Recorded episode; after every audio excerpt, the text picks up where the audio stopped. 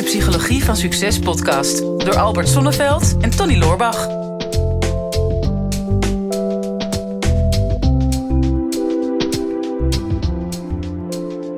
ik heb lang getwijfeld of we deze podcast wel gaan opnemen, Tony. Ja. Ik denk, ja, we moeten misschien even mee wachten, maar... Gaan we later doen. Ja, Ja, maar- voel echt uitermate slecht bruggetje aankomen. Ja. Die gaan we een keer voor genomineerd worden hoor. Je hebt een soort van Lode Lookie volgens mij voor de slechtste reclame Ja. van, van het jaar. Wij gaan een keer een prijs krijgen voor de slechtste bruggetjes naar het onderwerp. Nou, dan doen we maar een ophaalbruggetje, want die komt van, van Christa. Christa van Kaathoven. Ah, die zegt, hallo Tony. En, maar gelukkig kom ik er ook in voor. Fantastische podcast samen met Albert. Dus eh, ze heeft goed geluisterd. En is niet eenkennig. Ja. Eh, Laagdrempelig, eh, maar een stortvloed aan info. Oh, maar. Die maar, dat spreekt... Misschien moeten we nog eens een podcast opnemen over zelfkritiek. Ja. Ehm, maar een stortvloed aan info. En ik luister een aflevering eh, meerdere keren om zoveel mogelijk eruit te halen. Nou, mijn man is ook fan. Dus ze heeft een relatie. En het werkt bijna, het werkt zelfs als relatietherapie. We hebben allerlei roepingen gemist volgens mij, Tony, denk ik. We kunnen nog heel veel verschillende banen nemen in ons leven. Ja. Nou, ze heeft eh, één dingetje. En ze zegt, ik maak niks af. Eh, laat twee broeken liggen om te strijken. Ik doe mijn boekhouding. Nou, die komt pas laat. Laat er PayPal-afschriften liggen. En de bestelling die komt morgen wel. Kortom, dingen uitstellen en niks afmaken. Nou, volgens mij zijn er meer mensen die daar problemen mee hebben. Niks afmaken. Niks afmaken. Weet je dat ik dat dus zelfs met deze podcast heb? Wij nemen dan altijd een aantal afleveringen achter elkaar op. Ja? En eh, dan vervolgens sturen we die naar eh, Frank, onze audioman. Die eh, maakt daar mooi het introotje ervoor en die maakt het mooi af. En hij zet ze dan voor mij klaar in de software. En, en het enige wat ik hoef te doen daar is ik moet even een podcast moet ik even ja, op public zetten. Een Ja. titel geven, een korte omschrijving erbij en een aantal steekwoorden. En dat proces om zo'n aflevering klaar te zetten voor elke dinsdagochtend, dat duurt ongeveer 20, 25 seconden. ja. En ik doe dat dus altijd op maandagavond. Ja. Eh, Vlak voor het slapen. Soms zelfs nog op dinsdagochtend. En ik doe er altijd maar één. Dan denk ik daarna altijd van... kan die ook die tweede en die derde of de, ik kan er vast vijf doen. Dan hoef ik de komende vijf weken... gaat het vanzelf, hoef ik dat niet te doen. Maar doe er altijd maar één. Ja, het is wonderlijk. Oh, dus eh, ik zou zeggen, let goed op tijdens deze podcast. Ja, ja, ja. Misschien ik leer ga je niks zeggen. Ik ga alleen maar luisteren. Ja. nou, dan maak ik hem al af. Is goed. nee, we flauwekullen nu een beetje. Maar het is wel een, eh, een, een serieus probleem. En waarom, waarom doen mensen dat nou eigenlijk? Dan misschien eerst eens kijken van... wat is nou de reden dat je niks eh, afmaakt?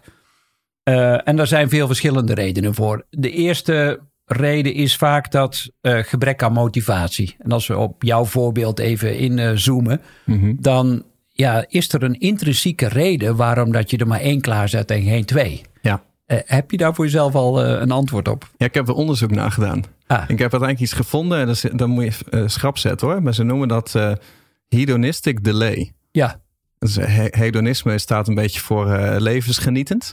Een Mhm. delay voor vertraging. Dus zeg maar alles wat jou op zeg maar hele korte termijn een soort van extra levensvreugde kan geven.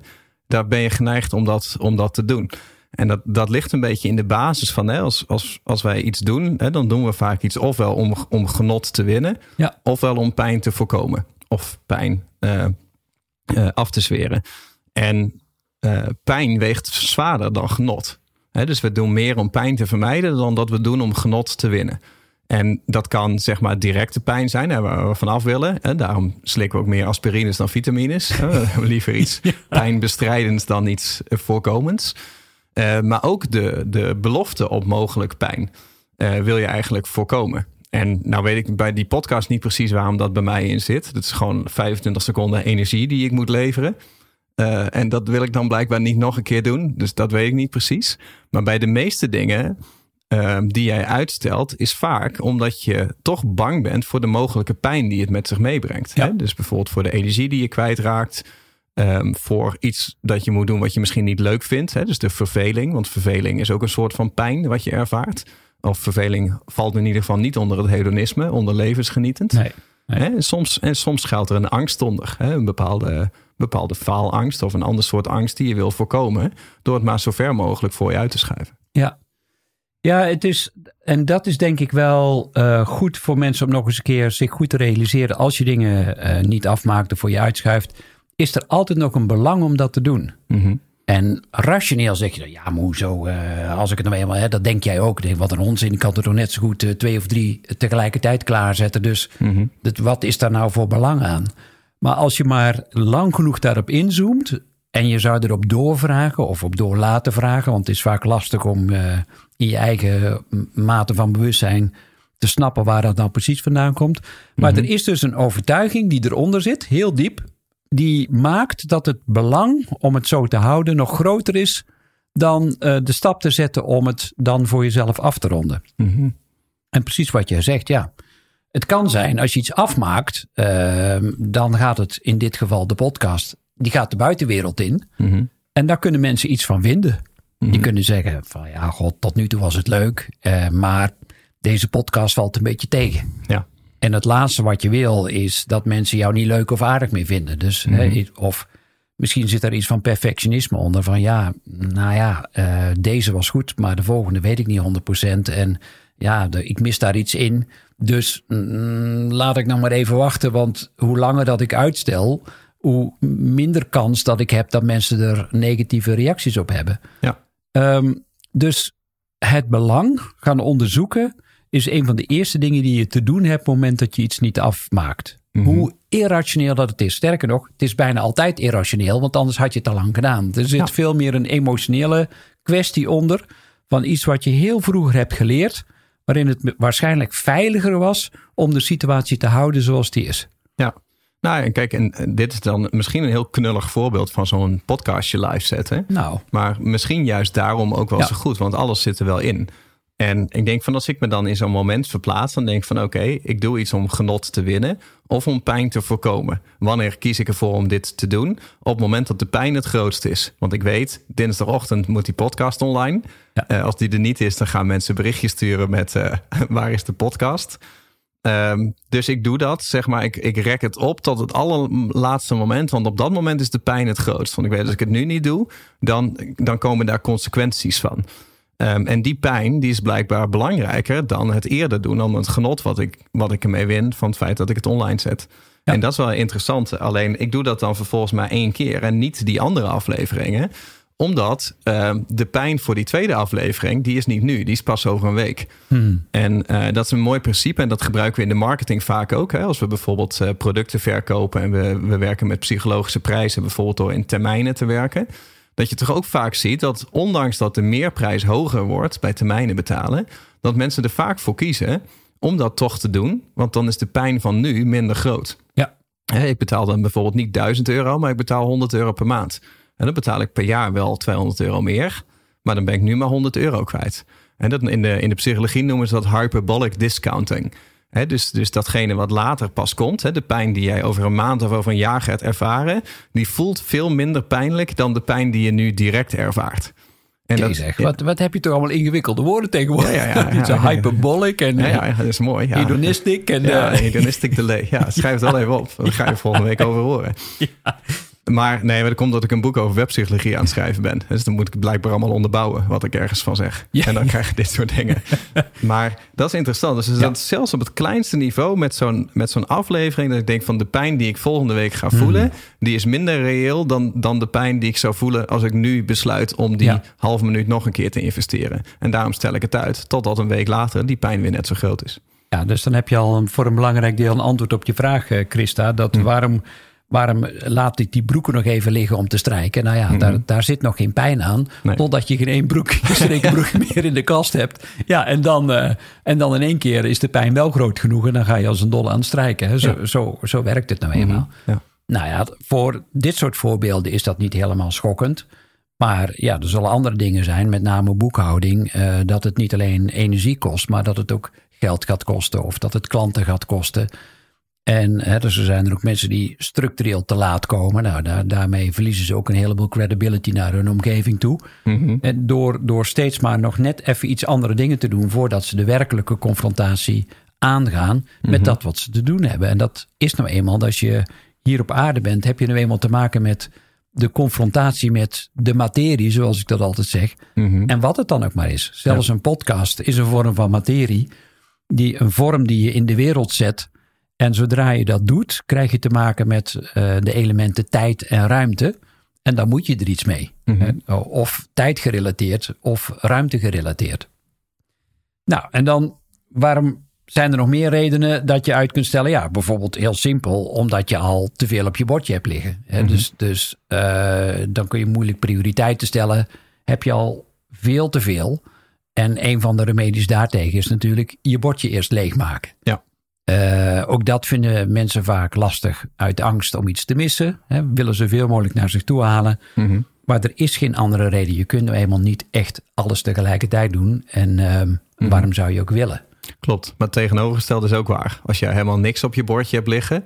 en je hebt een hele dag of een hele week heb je niks te doen, geen verplichtingen... dan is elke verplichting is er eigenlijk één te veel. Ja. Als je denkt, oh, ik heb een hele dag vrij, maar ik moet nog even boodschappen doen... en dat is het enige wat je die dag hoeft te doen... dan ga je dat ook uitstellen. Mhm. En dat is, dat, is, dat is toch vaak... Ja, dat is heel vreemd. Dat, dat, dat het enige op de dag is, of in de week of in de maand... waarvan je denkt van, dat doet me pijn. Dat kost mij energie, dat kost me tijd... Het geeft me geen genot. Ik vind het eh, saai. Het ligt beneden mijn niveau. Eh, ik vind het, eh, vinden de mensen in de supermarkt niet leuk. Ik noem maar iets. En dus er is een bepaalde angst of een bepaalde pijn die je associeert met die taak. En ja, als jij eh, op die dag toch al vijf, zes taken hebt staan die, die dat soort ervaring geven, dan is het niet zo erg om er eentje bij te doen. Maar als je het isoleert, ja, dan heb je ineens de mogelijkheid om het, om het een week voor je uit te schuiven. En dan vind je altijd wel redenen. Hè? Dan wordt er vaak gezegd, ja, ik, ik, ik ben te moe.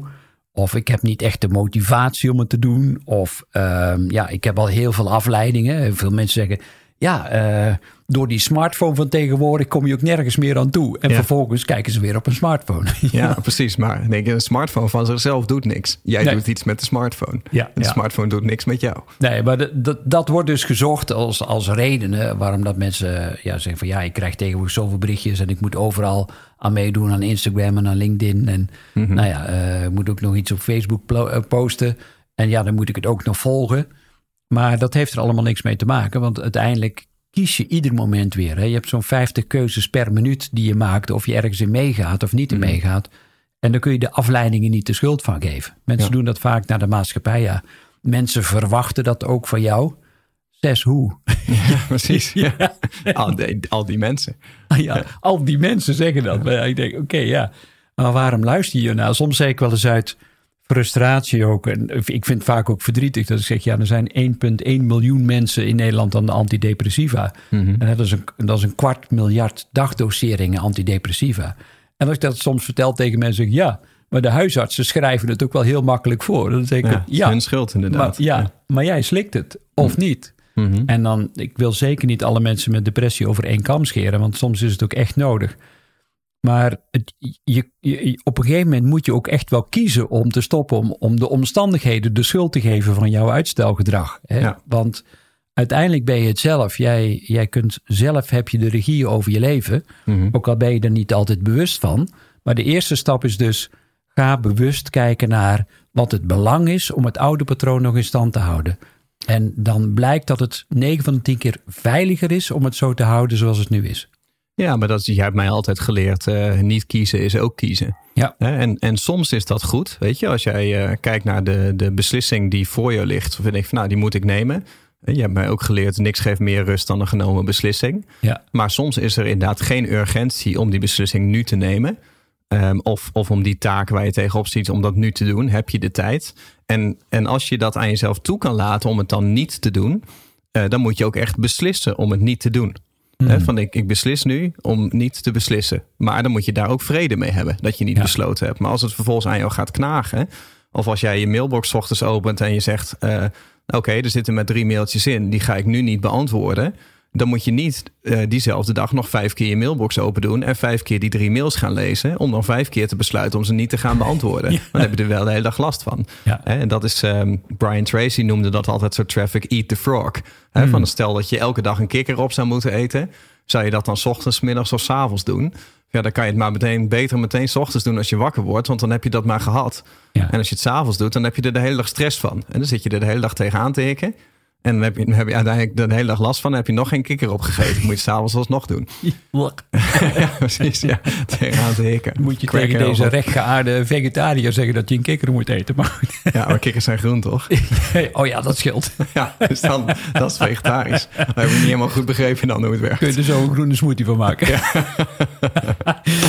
nou ja, maak van je negatieve gewoontes een, een positieve gewoonte. Het is ook precies, hè, we zeggen ook, het is, het is echt je mindset. eh, ook daarin weer.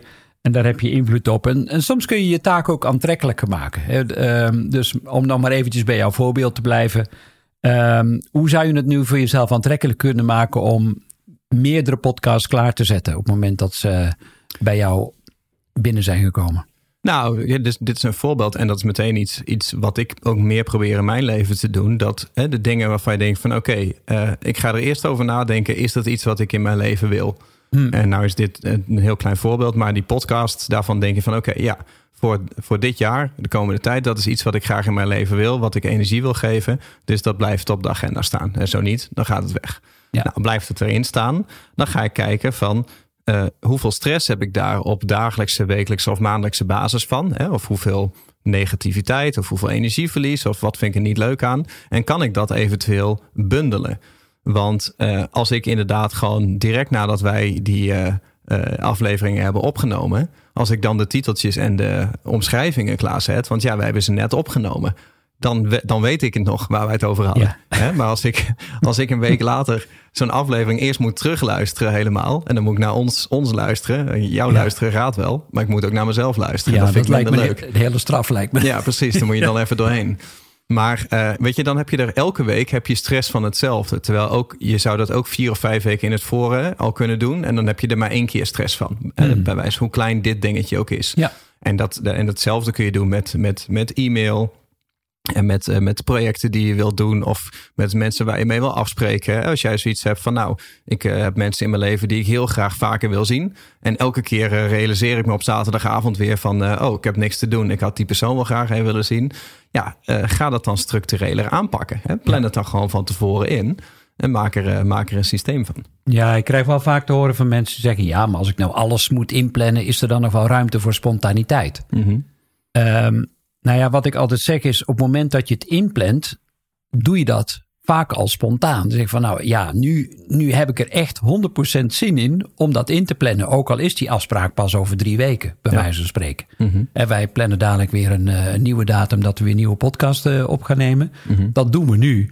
En ja, in die tussentijd is er meer dan voldoende ruimte voor spontaniteit. Maar ook tijdens het opnemen van de podcast is er nog steeds heel veel spontaniteit. Dus de, de illusie dat iets structureel vastleggen minder levensvreugde geeft, is voor mij juist precies het tegenovergestelde. Juist omdat ik kaders heb, kan ik daar binnen die kaders veel beter bewegen. Als ik alleen maar bewegingsruimte heb, dan, dan kan ik niet meer genieten van het plezier van spontaniteit. Dus plan het in. Ja. En handel er ook naar. Maak echt een contract met jezelf. Eh, zorg dat je jezelf daaraan co- committeert. Een contract met jezelf. Oké. Dat is wel leuk, toch? Of niet? Ja, Een ja, dat is contract met hartstikke leuk, ja. Ja, nou ja, ehm, ja, jij bent ook al visueel ingesteld. Ja, Maar als je nu, ja, en je kunt natuurlijk dat op papier zetten, maar je kunt er ook gewoon een mentaal contract van maken of een visueel contract. Oké, ik merk hoe klein ook, maar het inplannen van zo'n podcast eh, geeft me toch een klein beetje stress. Het, eh, zodra er stress is, zo noem ik dat altijd, is een energy drain. Nou, zo'n energy drain die wil je niet, want als je honderd kleine energy draintjes hebt, dan is dat alles bij elkaar toch nog een hele grote. En je wil gewoon energie hebben voor dingen waar je ook van kunt genieten.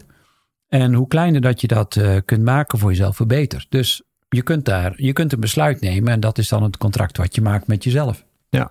En het laatste dingetje wat je noemde net heel kort tussendoor even perfectionisme. Ja, Vind, vind ik ook een hele grote reden voor uitstelgedrag. Ja. Hè? Dus je hebt op een gegeven moment een doel voor jezelf, iets wat je wil doen.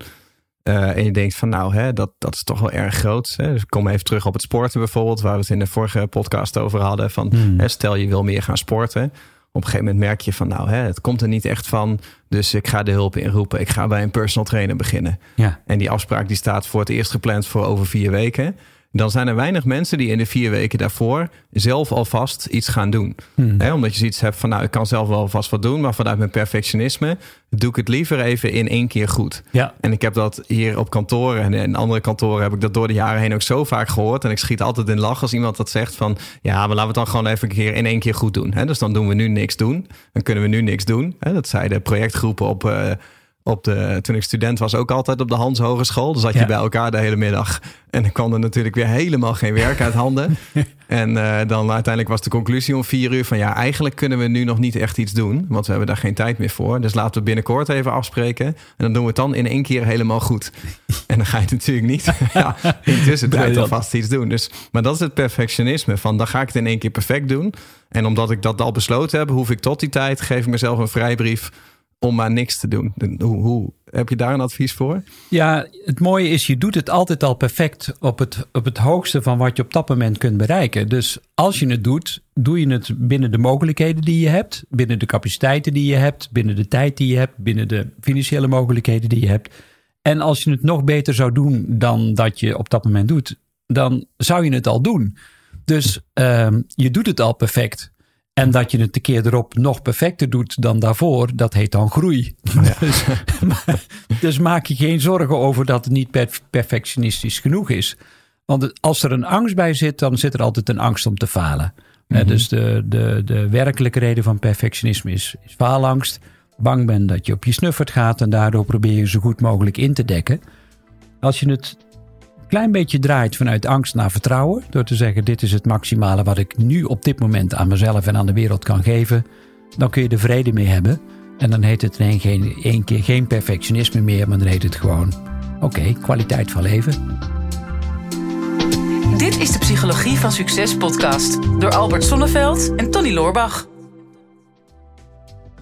Ja, beste luisteraars, dat was hem alweer voor vandaag. Weer een aflevering voorbij van uh, de psychologie van succes. Ik hoop dat je het waardevol hebt gevonden en um, wat je ons dat ook zou willen laten weten.